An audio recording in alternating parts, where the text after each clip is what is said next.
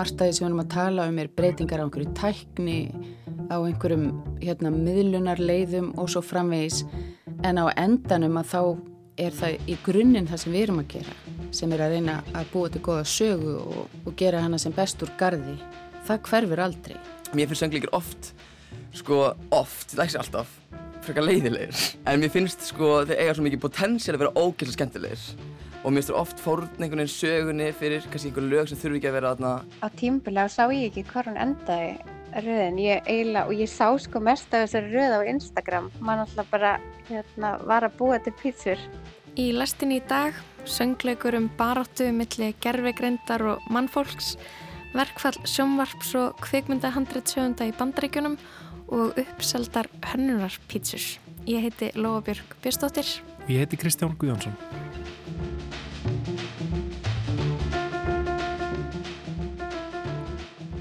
Hvað segir Lóa, treyður þér þæfða öllarpítsu um helgina?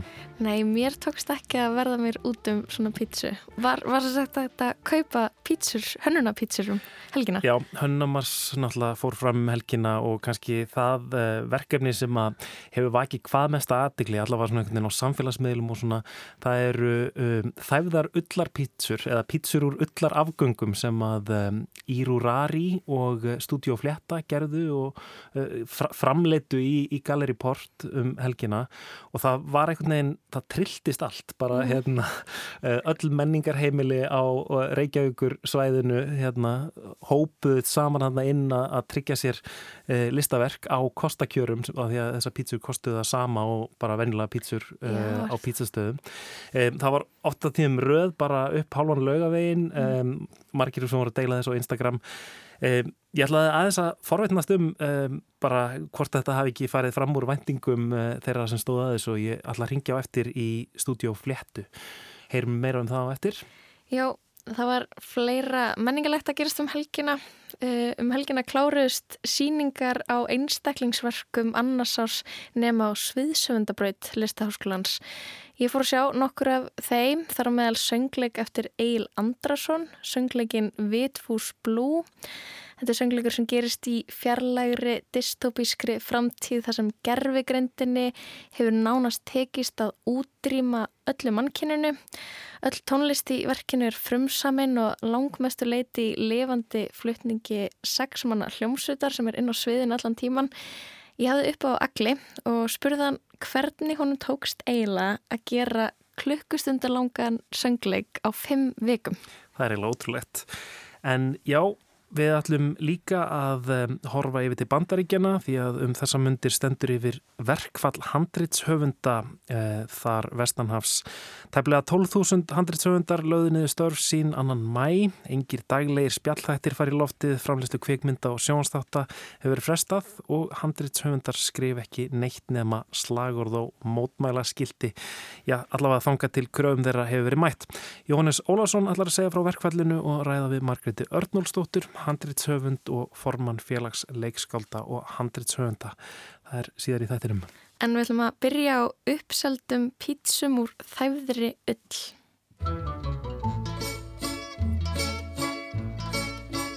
When the moon hits your eye like a big pizza pie that's amore Hinn árlega hönnunarháttíð Hönnunar Mars fór fram núna um helgina, Hönnunar Mars í mæ.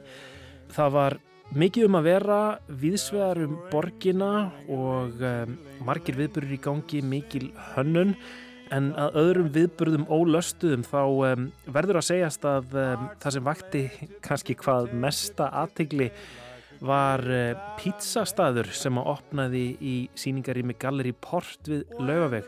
Pítsastaður sem að um, hönnastúdjóðið Studio Fletta og uh, listakonan Íru Rari stóðu fyrir þar sem unnar voru pítsur úr gömlum öllar afgöngum, þæfðar pítsur og seldar á Kosta kjörum. Og það virðist sem að já, nánast allir í bænum hafi viljað tryggja sér eina slæsu Það mátti til dæmis sjá á Instagram og, og öðrum samfélagsmiðlum að röðin lág oftar en ekki já, langt upp lögavegin.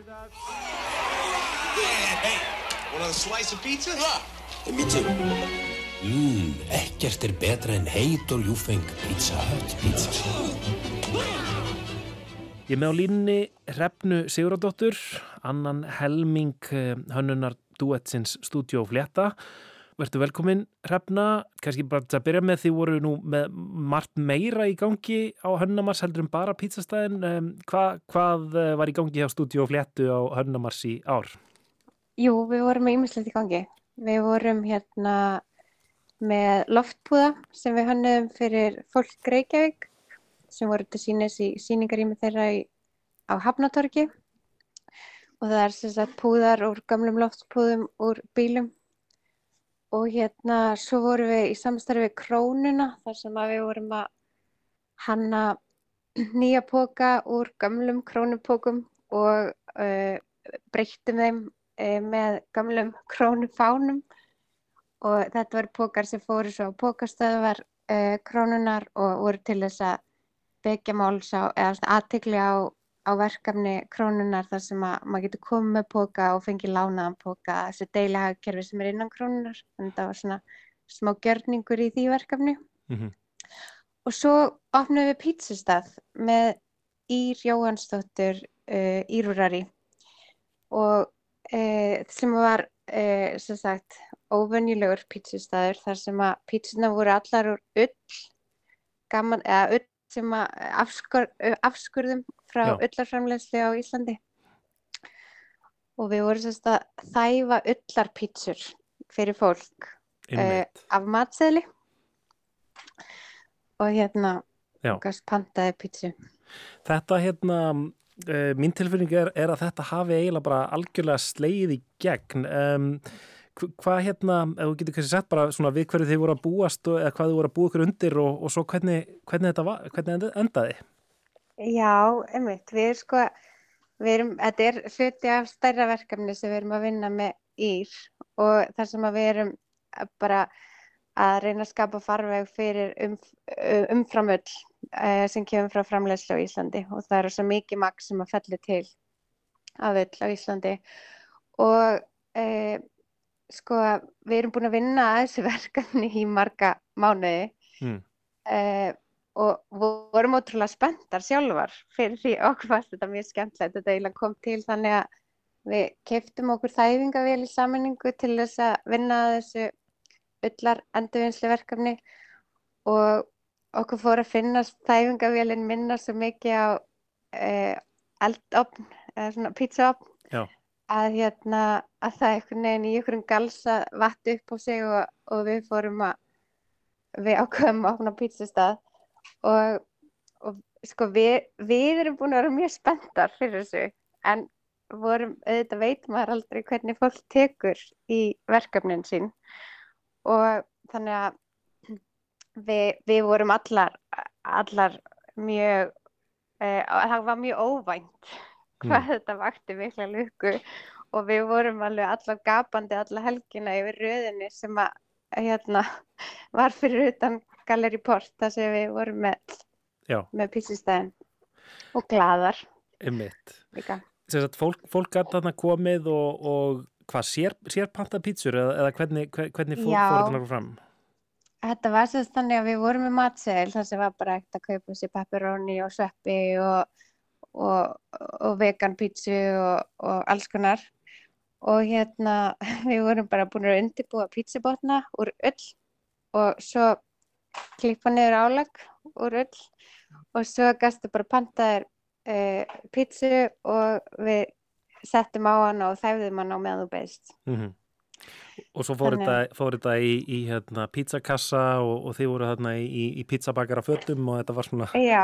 stemning. Þetta, algjörlega, þetta var alveg hérna, uh, einmitt, við tókum þetta alla leið í, í hérna, einmitt, vorum í búningum og, og með alla græður. Þetta var, við fengum hérna uh, grafík frá Ótja Melsteð sem var líka góður partur af þessu. Hefur hugmynd um hvað þið seldu margar pítsur yfir helgina? Já, við seldum rúmlega 300 pítsur og svo seldum við hérna líka pítsusneiðar sem var líka slatti.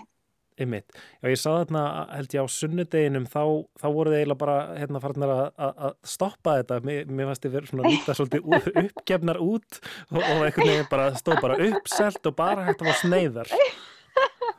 Já, já, þetta var sko, við vorum alltaf búin að undirbúa pítsibotnarna fyrirfram og hérna, við, sem var kannski líka svolítið hérna partur af þessu var að við vorum að selja alla pítsunar bara á sama verði og venjulega pítsur Já. þannig að þetta var svona þú veist, þetta var á, á mjög svona stæði verði með við vinnuna sem fer í þetta og hérna við vorum búin að undirbúa pítsubotna og það kannski sérst hérna, það kannski skýrast í því hvað við vorum búin að undirbúa marga pítsubotna hversu óvænt þetta var fyrir okkur. Og við gerðum ekki ráð fyrir að selja svona rosalega mikið. Mm -hmm. og við sko vorum búin að eigða mörgum klukkutímum eftir hérna förstudagsvaktina í að undirbúa fleiri pítsibotna en við vorum með. Og þeir bara seldist allir upp á lögadeinum við heldum að við værum að undirbúa lögadag og sunnudag þá. En það Já. bara þetta, þetta fór svo langt fram úr okkar. Björnist vonum þannig að og þá vorum við bara orðin svo þreyttar að við gátum, við, við gátum ekki hugsa okkur að, að taka langt fram á nótt aftur að, að búa þetta pítsubotna að, að þá voru það bara uppsöldar Já. Og, og, og var, var fólk hérna sem kom þá fundið þið fyrir að fólk verið svegt að missa, missa af pítsun? Já, það var það lendi sér ekki að fólk var mjög svegt og við erum bara ennþá að fá skilabóð sem að fólk er að að hérna óska eftir pítsum mm -hmm. það er alveg bara já, það var náttúrulega leðilegt að það gátt ekki allir fengi en þær eru bara búinar Þetta er náttúrulega magnað að fá í rauninni einstakt listaverka á, á verði einnar, einnar, einnar pítsu. Þetta er náttúrulega bara algjör kostakjör. Já, þetta var einmitt, fólk var alveg ánætt með það einmitt En veistu hérna, veistu hvað, hefur eitthvað séð hvernig fólk er að um, já, nýta þetta eða, eða fram, framreiðar, er, er, fólk, er fólk bara að hengja pítsunar upp á vegg, hefur þú séð, séð eitthvað dæmi um hvernig fólk er allar að, allar að uh, sína gestum á gangandi þessi nýju listaverk sín? Já, við erum búin að nokkra myndir þar sem að það er að vera hengtar upp á vegg. En hérna og svo eru ykkur sem ætla að nota þetta sem sessur í, í stóla og, og hérna það, ég, einmitt ég, flestir hafa verið að hengja þetta á vegg við mm. treystum fólki bara til að finna gott samengi fyrir þetta Einmitt e, Búist þið eitthvað við að verði eitthvað áframhald á þessu eða, eða, eða var þetta bara svona einstakur viðbörður? Sko, það er e, í, sko okkur langt, það væri alveg gaman að, að hérna gera þetta eitthvað tjáðan aftur. En hérna, en það er ekkert svona uh, ég bara veit það ekki. Það geti alveg verið. Já. að það verði eitthvað framhald. Það verður þetta, við höldum áfram að vinna saman að, að hérna, við eigum þess að þæfinga vel og, og eitthvað þurfum að gera í henni. Þannig að hérna, það verður þetta eitthvað framhald. Mm -hmm. Hérna, en ég gerir þá ráð fyrir að, að þú hafið ekkert náða að sjá mikið á hönnamars þegar hafið bara verið á fullu þarna uh, í baksturinnum sveittar. Já, einmitt. Það er náttúrulega, það er alltaf verst að við að taka þátt sjálfur. Að, þetta er náttúrulega áhuga sveimanns og þetta er gaman að sjá allar þessar síningar en, en nei, við sáum bara ekki neitt nema bara hérna út um glukkan og pítsustanum okkar. Einmitt. Hérna, e, það var ofta tíðum hann að röð bara einhvern veginn uh, út af götu. Hva, hvað var svona lengsta röðin sem þið tóku eftir? Sko ég bara á tímbilega sá ég ekki hvað hún endaði hérna röðin. Ég eiginlega, og ég sá sko mest af þessari röð á Instagram. Mann alltaf bara hérna var að búa til pítsur. Mm -hmm. uh, sko fólk var alveg búið að býða í klukkutíma þegar kom að þeim. Já, hérna á tímafjöli þannig að ég bara veit ekki Einmitt. Já, Allega. frábært hérna magnað um, að um, já, allir þessir öllar, öllar afgangar fái núna nýtt líf upp á veggjum fólks eða í sessum eða, eða hvað sem fólk nýtir uh, þessar pítsur frá Írurari og Studio Fléttu um, Hrefna Sigurðardóttir uh, takk fyrir spjallið og, og hérna bara uh, ég hlaka til að, að sjá hvað þessi tæfingarvél gerir næst, trillir, trillir líðin í, í menningaborgin Reykjavík. Já, takk fyrir. Hey, Kool-Aid and frozen pizza. It's a work of art, I ain't talking Mona Lisa. Dream of rocking crowds, see me filling up arenas. It's we got me laughing like a damn hyena. Yeah, I live a life pretty similar. Talandi um pítsur, við ætlum að fara til heimalands pítsunar. Já, bandaríkinn. Uh, Jóhannes Ólafsson, hann er búin að vera að kynna sér verkvall handritsöfunda í bandaríkunum. Handritsöfundar, sjómarfi og kvikmyndum hafa lagt upp störf. Jói sett sér inn í þessi mál og fekk hann að Margréti Örnólfsdóttur handritsöfund og formann félags leikskálda og handritsöfunda til sín í spjall til þess að ræða þetta. Það er rittstýpla í bandaríkjunum. Engin handrit á lofti, engin að pitcha nýjum hugmyndum.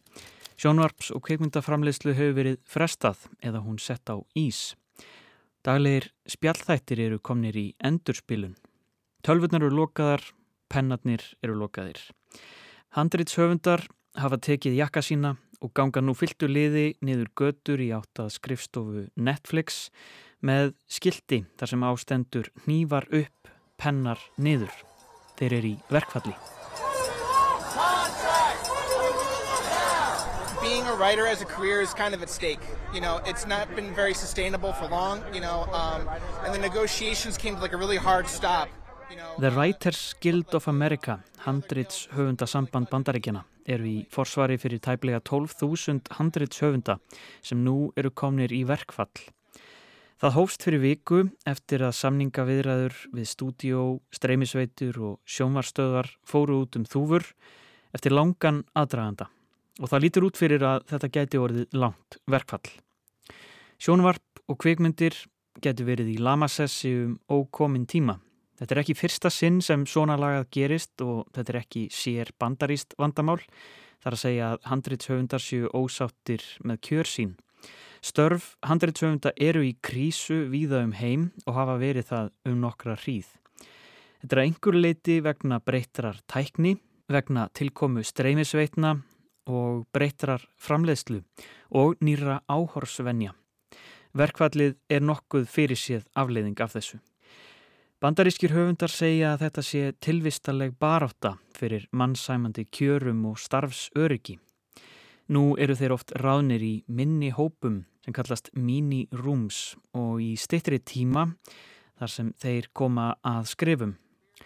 Svo blasir einni við nýr veruleiki fyrir handrýtshöfundum eins og fleirum að gerfigreindin er farin að gera sig gildandi á þeirra sviði. Like the, the other guild just didn't really like budge on anything, you know, like um, specifically on the uh, issue of AI is what I'm mostly concerned about.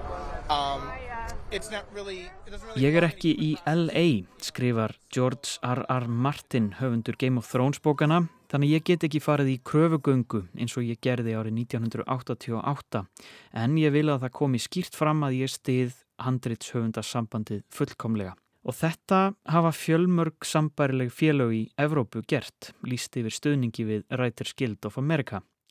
Af öllum stjettum sem starfa til að mynda við kvikmynda og sjónvarpsgerð í Hollywood hafa handreitshöfundar oftast farið í verkfall, alls sex sinnum. Fyrst árið 1960 og varði það verkfall í nær fimm mánuði. Svo voru verkvöld 1973, 81 og 85 og það lengsta hingað til árið 1988 sem George Martin vísar til sem var í einmitt fimm mánuði. Svo var það árið 2007 og 2008 rétt fyrir fjármálarhunnið sem varði í þrjá mánuði. Það verkfall var áður en stóru streymisveiturnar fóru á flög og nú er sjönda verkfallið hafið sem hefur fengið nafnið Netflix verkfallið.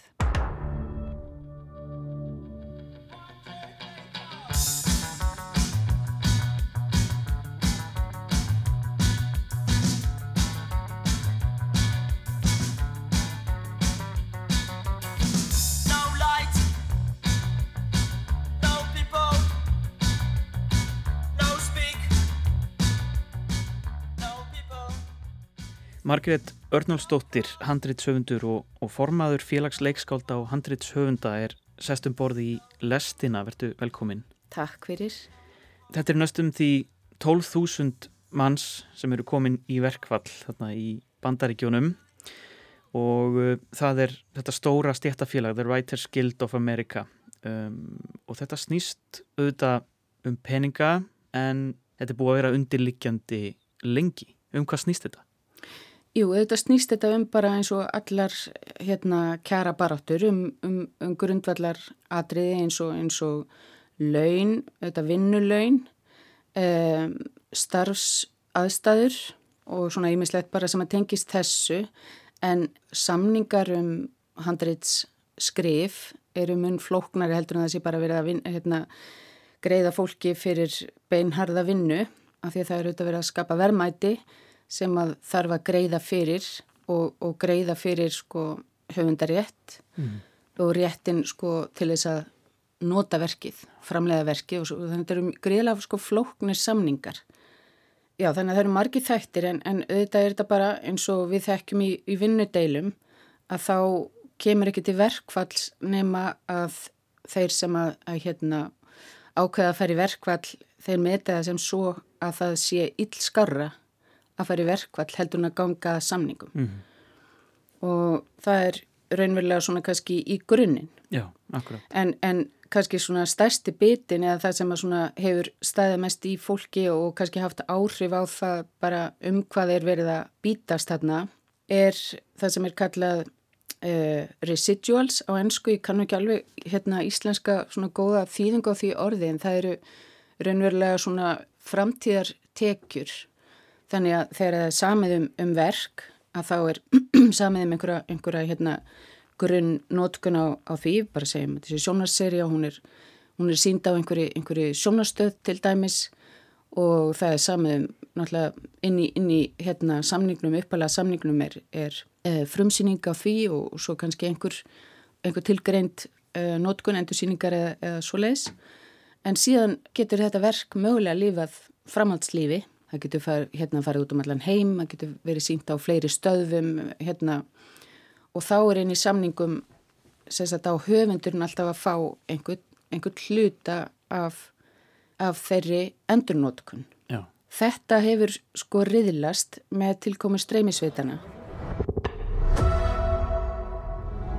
Það sem er ekkit um neina endur nótkun að ræða. Ef að til dæmis Netflix framleiðir serju, þá er hún bara Netflix að eilífu. Mm. Eða þannig til Netflix ákveður að hætta að sína hana.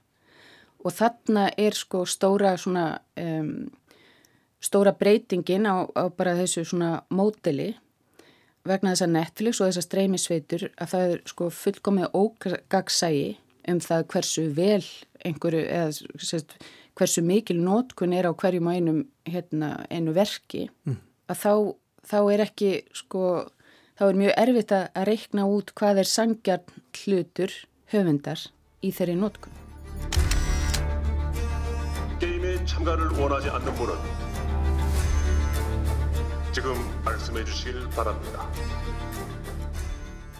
Squid Game sem að flestir á hún séð sem að mann alltaf svona bara algjörlega óvænt sló óbáslega í gegn og var auðvitað keift á Netflix bara á eitthvað slik og þótti, þú veist, ekkert sérstaklega líklegt til vinnings. Og svo auðvitað þurfti bara að tryggja sér framaldið að Squid Games. En höfundurinn af þessu sem er bæði sko leiksturinn og, og hérna handrisöfundurinn hann var svolítið sniður. Hann bara ákvaði sér að að svara þegar það var beðin framhald að Squid Games svaraði bara já, ég veit ekki, kannski bara gera eina, tver bíómyndi núna. Og tókst þannig að hækka verðið sko þrið eða fjórfald mm. bóðið frá Netflix en allt sko þú veist, samt sem áður veit þessi höfundur Squid Games og enginn nákvæmlega hversu mikið Netflix grætti á Squid Games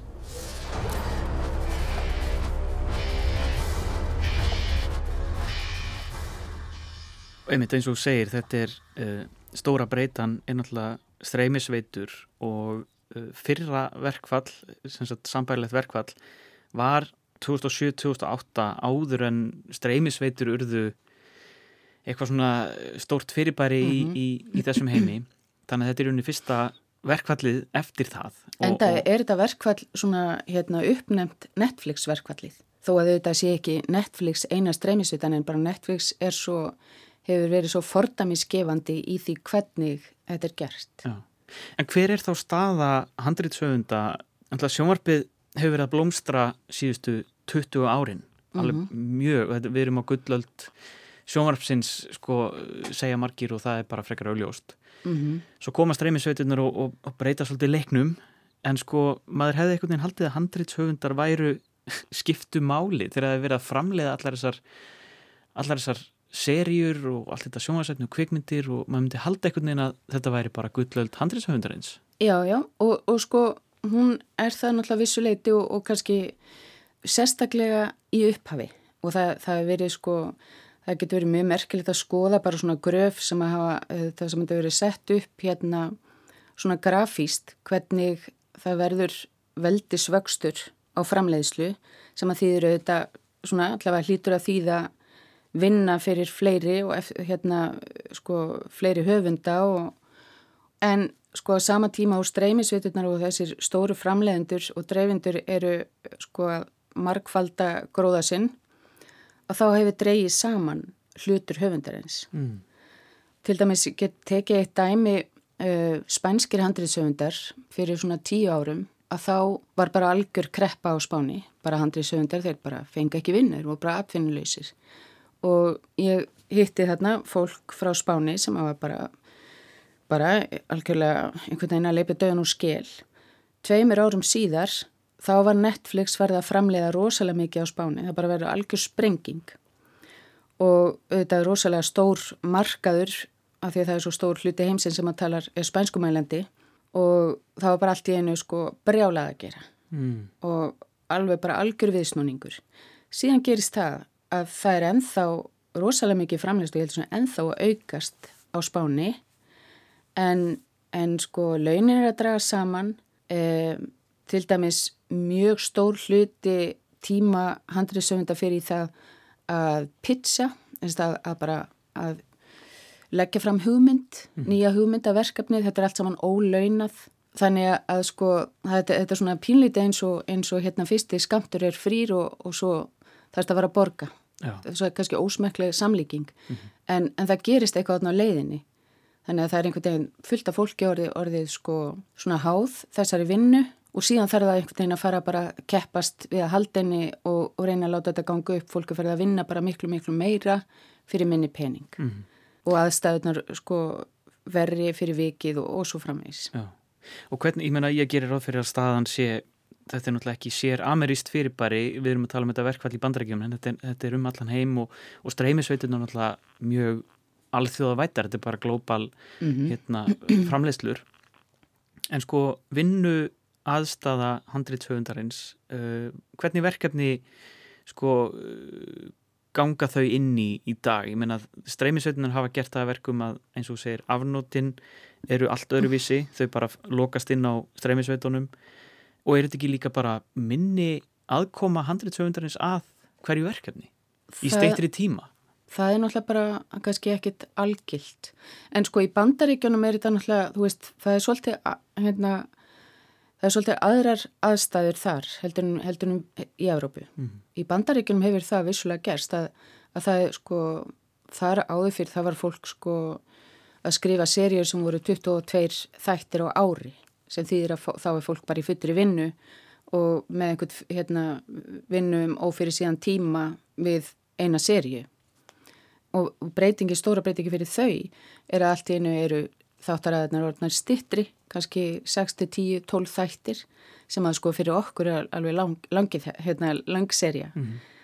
Þannig að, að kannski, þú veist, er, er bandaríkjaman allt í einu að upplifa okkar veruleika og fá sjokk. Mm -hmm sko hjá okkur hefur kannski, þú veist, hefur, hefur svona aðgóma handriðsöfundarins raunverulega verið að aukast með sjónars, aukinni sjónarsframleiðslu mm. og svona ábyrðin og fólk er að stíga meira inn í bara framleiðslu hlutan og, og svona meira kannski eins og þetta hefur verið gert í bandaríkjunum. En þú veist, á móti kemur að, að launinu miklu lægri hér heldur en í bandaríkjunum. En sko náttúrulega fyrir okkur þetta er þetta bara mikið áhugjefni hér í Evrópu að því við höfum alltaf litið til hérna Writers Guild of America sem svona bara sterkasta og, og, og mest töff stjættafélag í heimi mm. og ef að þeim tekst ekki að ná samningum svona viðunandi samningum þá eru við náttúrulega bara alveg í sko vaskinum. En þetta er náttúrulega sko, auðvitað kannski ekki nýr veruleikja að þetta svona umhverfi, sjónas og, og kvikmynda umhverfi heimsins er svona landsláður hreyfingu og það er bara eina leiðin er að vera alltaf einhvern veginn á tánum. En ég held að sé sko jákvætt raunverulega fyrir okkur að, að bandaríkjumenn fari í, í þetta verkvall af því að það held ég kallar á svolítið svona alheims samstöðu.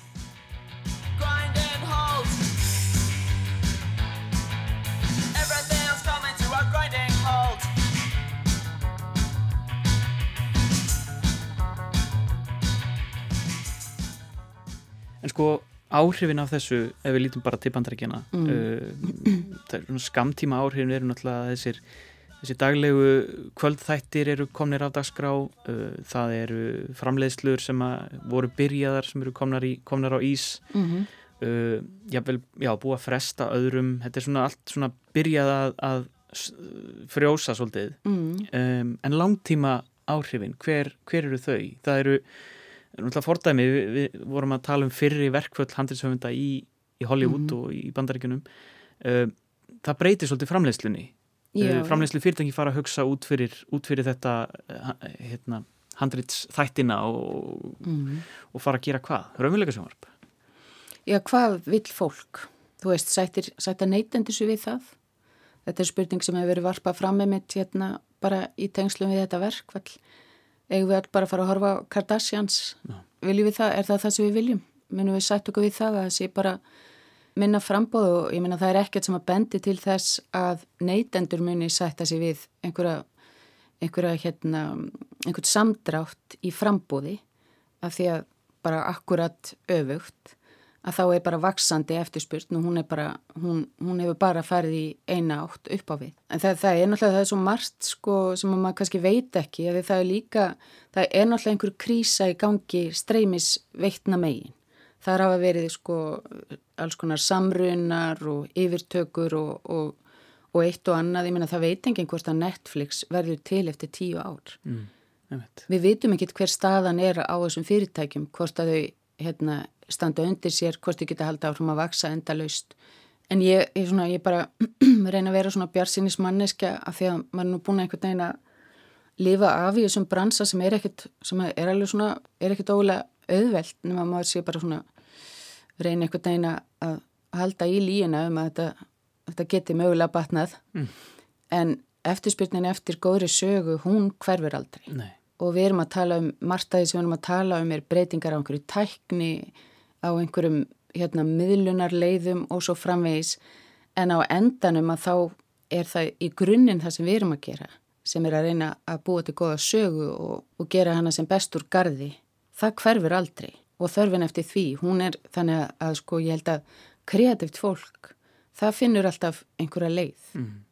Og við erum ennþá á, uh, heldur betur á toppi sko streymis aldarinnar. Við, ekkit, við sjáum ekkert endilega fram á einhverja umbyltingu á þeim því fyrirkomulegi allavega ekki svona í, í bráð. Uh, en, en framleyslu sko streymisveiturnar sjálfar eins og segir eru í krísu og hafa verið rekna með tapi og er að eigða miklum peningum í að búa til efni sem er neitt á litlum tíma. Þannig að já við getum séð fram á einhverja breytingar á þeim á næstu árum eða ekki Jú, alveg bara, alveg pottitt sko. Það er bara, og ég minna, og frá upphafið þá hafa bara verið stöðuða breytingar. Þetta gerir náttúrulega verkum að, þú veist, það getur verið mjög svona, þú veist, það, við getum ekki séð langt fram í tíman og það er alltaf að breytast bara, bara fjármögnunar uh, leiðirnar eru stöðuð að breytast, þannig að, að til þess að setja, koma nýju verkefni í gang, það þarf alltaf að, alltaf að vera svona bara að tjekka á veðrinu í dag og, og reyna að sjá það fyrir næstu daga og vikur. Mm -hmm. En það er líka bara, ég held að sé kvetjandi af þessu leiti. Það þýðir það að fólk sopnar, þú veist, verður ekki í latt og, og hérna, og er bara að vera svolítið, svolítið útsjónasamt og, og sniðugt. Og það held ég sé styrkurinn okkar. Er að einmitt að verða kannski ekki of ánægð og hérna... Of háð. Já, þú veist að að þegar upp er staðið, að þá þurfa þau á okkur að halda Þannig að streymisveitur get ekki búin eitt til, mm. annað en, en bara umhverfi og, og hérna einhverja leið til þess að meðla efni. Mm. En það er búa ekkert til, ekki sjálfar. Við fylgjumst með þessu verkvalli og, og, og síðan það sem að gerist annars þar í heiminum. Þið fylgjast náttúrulega með þessu. Margret Örnálsdóttir, takk fyrir komuna í lestina. Takk fyrir mig.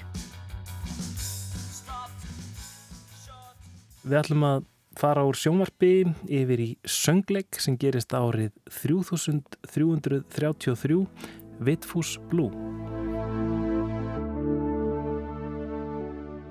Um helgina kláruðu annars árs nefnendur á Suðsöfundabraut í Listáskóla Íslands að sína einstaklingsverkefnin sín. Ég náðu að sjá nokkur, mistur endra einu sem hafði vakið aðtekli mína, það var söngleikurinn Grís sem var settur upp nema allir á sviðinu voru naktir. En verkin sem er tókst að sjá, þau voru vönduð, það var mikið lagt í umgjöruna og það var góð mæting á síningarnar. Eitt af verka sem ég sá var söngleikurinn Vitfús Blue. Þar var sex manna hljómsveit á sviðinu sem spilaði undir allan tíman, sjö leikarar sem dönsuðu og sungu. Handritið var sniðugt og verkið fjallaði um baróttuna milli mannfólks og róbota. Það gerist í fjarlæri framtíð þar sem gerfigreindin hefur tekið yfir og mannfólkið er í útrýmingahættu. Hingað í lestina er komin höfundur og leikstjóri verksins Egil Andrason. Annars árs nemi á Sviðsöfundabraut. Vertu velkomin og til hamingi með síninguna. Já, takk fyrir og takk fyrir komina.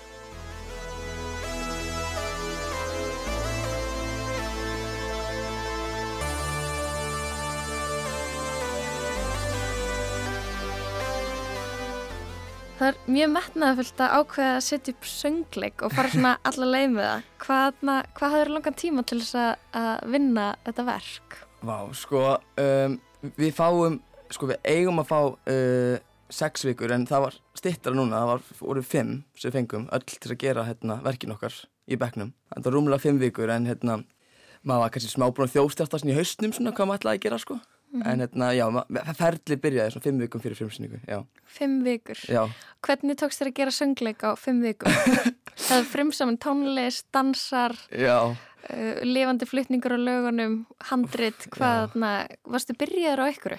Sko, málega, já, sko, ég byrjaði, við vorum hérna í skri, svona skrif, skrif áfunga hjá Hlín Agnars, hérna í fyrra, að í haust, og þá sko var eitt verkefnið sko hérna að skrifa mónolog það var svona verkefni sem við fengum og hérna og þá fór ég mestu klísju heimi að hérna skrifa vondukallamónulog bara eitthvað svona og þá, einmitt, þá kviknaði fyrst þessi hugmyndum eitthvað svona eitthvað vond vjálmenni eða eitthvað sem vil sprengja sálmannsins og gera okkur öllu jafn og útrýminu mannlega eitthvað svona voða voða dramatíst sko og klísju kent e, að einhverju leiti hérna og, og síðan þetta byrjaði sem brandari mér finnst það eitthvað mjög fyndið en svo einhvern veginn þú veist, veist, skila þessu af mér og mér fannst eitthvað svona ennþá eitthvað smá fyndið svona nokkur mánuðin síðar og ég var svona, kannski ætti ég bara að halda áfram með þetta og gera eitthvað í þessu og, og hérna, já, svo bara kom að þessu að við ættum að fara að velja og ég hugsa bara, já, ég kýli bara á þetta, ég bara gerir þetta og, og býti bara eitthvað svona ógeðslega svona, bara svona einhverju leiti mjög hefðbundna sögu, og svo formi og lætt að passa inn og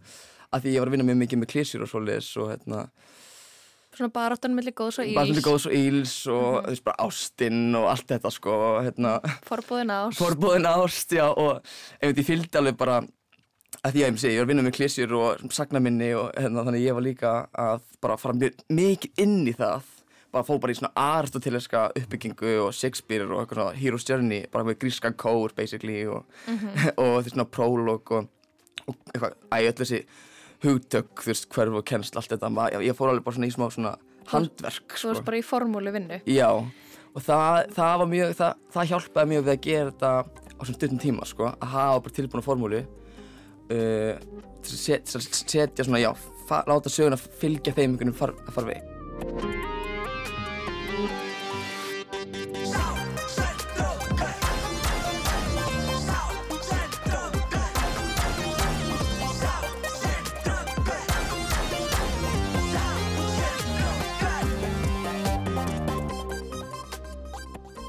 Sko, já, þetta er svona að fjallar um strákin Vitfús Blue sem er uh, einangraður í afskeftum kofa hjá móður sinni og hefur verið frá fæðingu og þekkir engan og hefur engan að nema hann og hún er mjög vond við hann og uh, og hann hérna dreymur um að komast út fyrir hús þegar hann má ekki fara lengur en tíu metri út fyrir húsið sitt og þetta er búið að svona passa samt allt saman og, um, en síðan einn daginn sko bankar upp á hérna gestur sem heitir gestur og, og sér að hann uppfyllir allar svona, hvað segir maður, kröfur eða svona tekur öll boks sem að mikið merkilegu spádómur hefur sagt um hetju sem á frelsa mannkinni í þessari þessar fjarlæga framtíð þar sem að róbótar og velminni hafa tekið yfir einhvern veginn og, reynd, og reynd að útrýfa mannkinn og hann er þessi frelsari eða hetja sem að bjarga öllum einhvern veginn mm -hmm. og síðan fylgjum einhvern veginn söguna sem við sjáum sko hvernig hann er kannski hetja en ekki beint á kannski þann hátt sem hann heldur og hvað, svona, hvað er raun það sem er gott í, í hetju eða mannesku á tímum þar sem að róbótar stjórn öllu eða eitthvað svona. Mm -hmm. Já, hvað er þið mannlega og hver, hvert er gildi þess og svona. Mm -hmm, um, Þú varst með mjög stóran hóp með þér mjög, í þessu. Hvað já. voru þið mörg í hildina sem voru að gera þetta saman? Við vorum alveg 22, eitthvað svo leiðis. Hvernig gekk að halda utanum svona stóran hóp? Sko, mér fannst það ganga ágætlega, sko. Að vera í, í leikstjórasætinu er bara að vera í mannuðstjórnin einhvern veginn og ég tel mér alveg ágætlega góðun í því og líka þetta bara, þetta er það sem að meikar og breykar pínum bara hvort það er gangi upp en maður er með nógu mikið af fólki og sem er bara hæfirgarikt í því sem það gerir, það gerir og og brennur fyrir já, það fer í það sem það er brennur fyrir og er gott í og þessi síning hefur aldrei gengið upp ef ég var ekki með svona marga mm -hmm. ef ég hef verið einn í þessu með sjö leikara eða eitthvað skilur eða óhljómsett og ef ég ekki verið með, ég var bara með fólk í aðstof leikstjórn og, og í dans og sviðsreifingum og búningahönnun og, og svoleiðis fekk fólk bara allstar að mm -hmm. til að hjálpa með þetta því að síningin er aldrei gengið upp án alls þessa fólks Hvernig, hvar fannst allt þetta fólk? Þú, þú ert að norðan og kemur flyttið til Reykjavíkur og farið FG Já. er þetta skólavinnin af leiklistabraut í FG eða? Sko, leikarnir eru flestir af hérna, um, leikarabrautinni í listaáskólanum og sumir alltaf af þeim ja, voru með mér í FG mm -hmm. sem er núna í LHI en hérna, síðan fekk ég líka fólkið mitt sem ég þekki úr leikflæðinni Emma eða, eða eða bara vinnir og þetta var mjög mikið fólk sem ég þekki og tristi og veit að var, var, var til í slægin sko mm -hmm. og eins og hljómsveitin, það var skemmtilegt að segja frá því það var bara fólk frá landsbyðinni það var mjög skemmtilegt okay. hvort sem það var frá Akureyri eða bara Hellu eða eitthvað svona fólk sem ég þekki alls þarra og, og síðan líka bara, þú veist, mér vantæði fólk í eins og bara pródúsjón eða hvað sem er framleyslu á, á sko, tónlistinni, mhm. ráftónlist mm. það kom líka smá fram í verkinu. Já, og það, ég þekkti engar sem geti gert það eins og ég hugsaði mér, þá þekkti einhver einhvern sem þekkti einhvern og svona, þetta, er, þetta er svo mikið svona sko. og þú endur hérna með 22 manna hóp. Uh, þá varstu, varstu þá búin að skrifa handriti þegar þið byrjuði að fara að vinna saman í ykkur svona devæst ferli eða? Já, e, að einhver leiti, jú, þetta væst ferli sko, ég, aðeins, ég, eins og ég seg, sagði á hann, býði til struktúrin, mm -hmm. þetta er pínus að skrifa svona þjóðsögu eða svona föblu, bara eitthvað svona þetta gerist, sen gerist þetta og þá kemur lag og það leiðir til þess að þetta gerist og eitthvað svona, mm -hmm. en ég reyn ekkit handrit beint að komi þegar við byrjuðum, en ég kannski byrjaði bara að serun og, og leiði leikunum bara að koma og komi sín tilbúið, sína hugmyndir og sagði já, þið eru að pæli þessu og þetta er að fara að gerast eftir og þið voru að koma frá þessu og sjá hvað gerist. Og þannig að fengið að spinna inn já og þið gáttu gefið svo mjart inn í ferli og, það, og það, þetta er þetta sem ég langaði svo að leggja áherslu á því ég var ekki búið til er bara að vinna út frá leikgleði mm -hmm. bara að það var gaman það er bara einu sem skiptir máli mm -hmm. bara mhm. frekar að fórtuna gæðinum og halda gamðinu, eða skiljur mm -hmm. stuðinu, stuðinu. sko þarna þetta er þessi, þessar, þessar örfá vikur, fimm vikur, Já. það er kannski uh, þekkist alveg uh, í atvinnuleikusi að uh, síningar séu settar upp á svona stuttin tíma Já.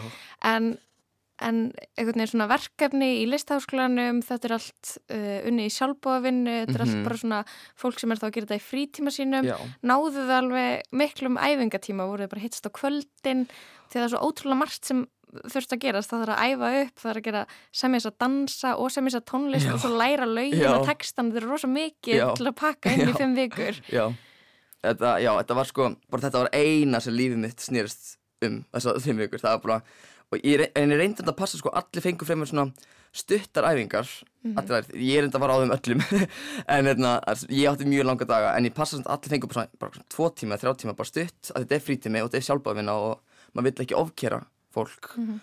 um, sumi dagur og planið bara tveir tímar dansæfing með þessum þreymur leikurum síðan tveir tímar senu vinna með þessum leikurum og svo fer ég yfir til hljómsveitarinnar í tvo tíma og við workshopum lögin Og já, þú skiptir þessu svona upp. Já. einmitt. og það bara skipti mjög miklu máli að gera þannig og svo kannski tók ég, þú veist, mann í hádeginu kannski með, með aðstóðleikstur um að tvo þannig sko, sem hjálpuð mér var mjög gott og þarft sko og þá vorum við svona writers room að kasta fram hugmyndum svona, hvernig getur gert þetta, eitthvað svona já eða, hvernig, að ég mantar svona betri texta við þetta lag eða eitthvað svona, svona borðvinna sko Einmitt, ég skilji. Um, hvað heitlaði þið við söngleikaformið? Hvers vegna valdur að setja upp Mhm. söngleik? Hefur alltaf elskað söngleiki? Sko, máli er, ég hata söngleiki Nei, nei, ok, ok, stert orð, ég, ég, ég, ég ætla ekki að segja hata, nei, alls ekki, alls ekki Etna, ég, ég reyna að vera eitthvað pólirísærandi hérna, nei, etna, um, mér finnst söngleikir oft, sko, oft, það er ekki alltaf, frekar leiðilegir. En mér finnst, sko, þeir eiga svo mikið potensial að vera ógeðslega skemmtilegir. Og mér finnst það oft fórn einhvern veginn sögunni fyrir kannski einhver lög sem þurfi ekki að vera þarna eða, eða, að ég veit það ekki, mér finnst það mjög miklu skoðin á þessu formi því að mér finnst það svo frábært því að það samina svona allar svona lískreina sem ég allan áhuga á. Bara dans og söng og leik og grín og ekstravagant búninga oft og rosalit eitthvað svona. Og það sem ég finnst heitlandi við söngleikaformið er hvað það blandur öllu þessu saman og býr til einhver rosalega visslu, einhvað sjónaspil mér finnst skemmtilegast sko að semja söngleika líka því ég hef svo gaman að semja lög Þannig að þú, samtir þú mikið af lögunum í, í verkinu? Já, ég samti þau uh, öll uh, uh, sum, sum ein, einn og önnur í samstarfi hvernig, hva, hvar lærður að semja söngleika lög? Sko, ég hef verið að gera þetta smá bara síðan ég var lítill, sko Þegar ég var hérna uh, 14-15 ára uh, þá sett ég upp svona lítið samstarfs, að voru var ég með samstarfsfósturverkefni við leikfæra Akureyrar. Við vorum svona úlingahópur sem sett upp söngleik þar í samkamúsinu á Akureyri. Uh, hérna það var alveg ræðilega lél tandir en við fengum að gera það og það var mjög gott. Svo þegar ég var 19 ára þá, þá hérna, ég líka, fekk ég líka þann heiður að hérna, skrifa söngleik fyrir þjóðleik í þjóðleikúsinu Mhm. Hérna, og það var líka svona og ég er búin að vera mjög miklu æfingu í þessu sko, og þjálfa mig og búin að rekast á marga veggi í þessari, þessum tveimur hérna, ferlum Mhm. mér á baki um, og það allt svona hjálpaði mér að vinna þetta mjög markvist og skilvirt og þannig að það myndi og líka skila sér á skemmtilega hátt og þannig að þann hátt sem ég ímyndaði mér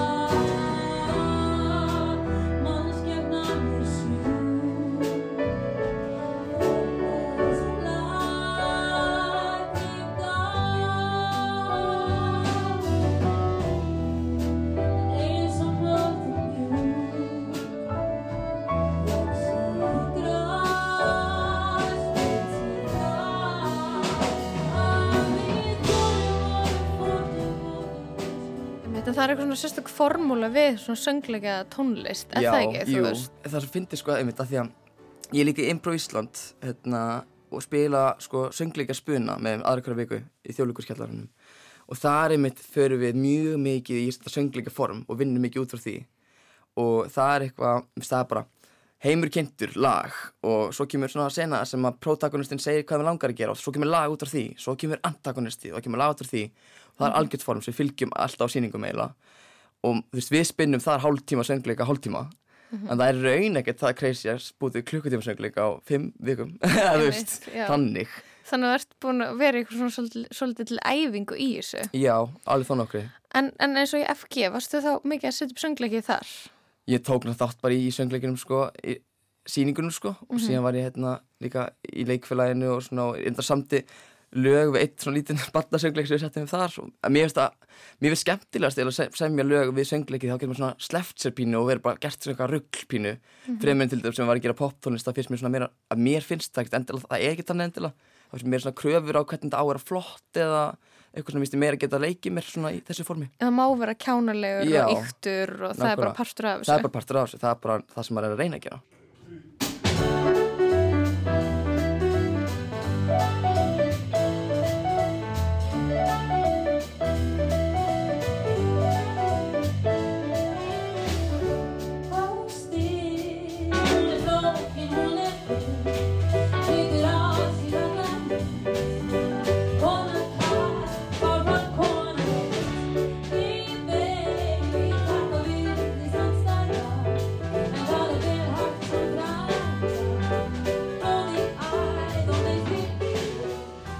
Hvað fannst þér flóknast við að gera þetta? Hvað var svona stærsta hindrunin? Sko, ég er náttúrulega er með óbeit sko bara á hljóðufinnslu. Mér finnst það bara, það er bara svo mikið partur á sko, að, að lögin þurfa að skila sér sko. En ég bara, ég, ég ræðist hljóðin bara eins og eld sko. Ég er bara, ég get, ég, ég bara, ég er bara, ég, uff, ég bara get ekki sem tala um það, ég fer bara í keik. Eða þess bara, hérna, keng. Það var bara Hérna- erfitt að, að þá að ég mitt að láta allt passa saman og stilla. Já, bara, þú veist, og ég tengja, að bandi hljómi vel og það heyrist yfir söngburunum því bara um leið að það heyrist ekki þá bara fellur þetta einhvern veginn sjálf sig. Mhm.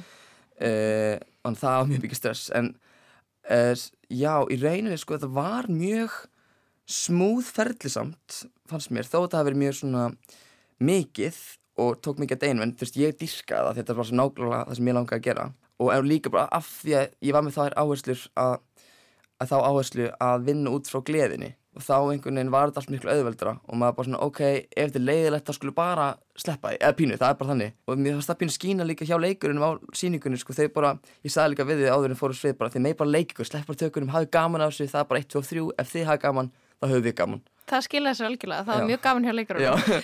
Um, hver er framtíð vitfúsar Blue? Ætlar að, halda áfram með hann eða ætlar að bara halda áfram í næstu hugmynd? Sko, ég held ég verði að halda áfram með þetta, sko. Eh, Ég held það að því að, sko, fólk sem það segir hvað sem er við mann þegar maður er búið með svona sýningar. Það er alltaf eitthvað að segja eitthvað, það þarf eitthvað einhverjum, einhverjum meðvirkni oft, en það var mjög margir sem segja að þeir vildu sjá meira og vildu sjá þetta kannski svona einmitt sett kannski með meiri tíma eða þetta var bara mjög flott fannst mér ég var mjög ánægð með þetta, stoltur á þessu með við allan tíma, ekki þess að miða við, bara ég var mjög stoltur á þessu, en þú veist, ef við fengum me meiri tíma til þess að bara halda áfram að slípa og, og kannski með, með fjármagni þegar þetta var 0 krónur í þessu náttúrulega, uh, þá kannski bara getur að vera bara eitthvað, já, ég held bara mjög mjög skemmtilegt og flott og ég bara eitthvað sem fólk getur notið að sjá sem að er ekki tengt neinum í listaháskólanum eða svoleiðis, sko. Mm Er draumurinn að setja á eitthvað svona stórt svið? Fá Eh, almenning? Sko, ég, ég, það er draumur, ég get alveg sagt það Það er draumurinn, sko Já, já, ég get alveg sagt það uh, Mér varst þetta að vera svolítið svona hana, badnasýning í Já, þessu en, en svona, svona góð badnasýning að því leitinu til að það var síðan alltaf eitthvað fullorðinskrín Já, já, já, já. Sem eins og pyntingaratriði sem er síðan BDSM-atriði Já, já, sem já. er eiginlega fullkomið. Og svo er eitthvað svona fallegu bóðskapur um ástina og, og þetta myndi klálega ganga upp sem einhver góð badnasýning Já, sko. ég hugsa það einmitt líka, sko. Já, því að líka, einmitt, góða bandasýningar er oft einmitt líka fyrir fulluna mm Þannig að það er það svona er alveg mjög mikilvægt sko. Já, þannig að, já, það, það gæti alveg vel verið, sko. Ég, ég allan já, ekki, þetta held ekki búið, sko. Ég held ekki. Nei, ég veit. um, Egil, þakka þér kella fyrir komuna í lestina. Til að hafa mikið með Vitfors Blue. Þakka þér fyrir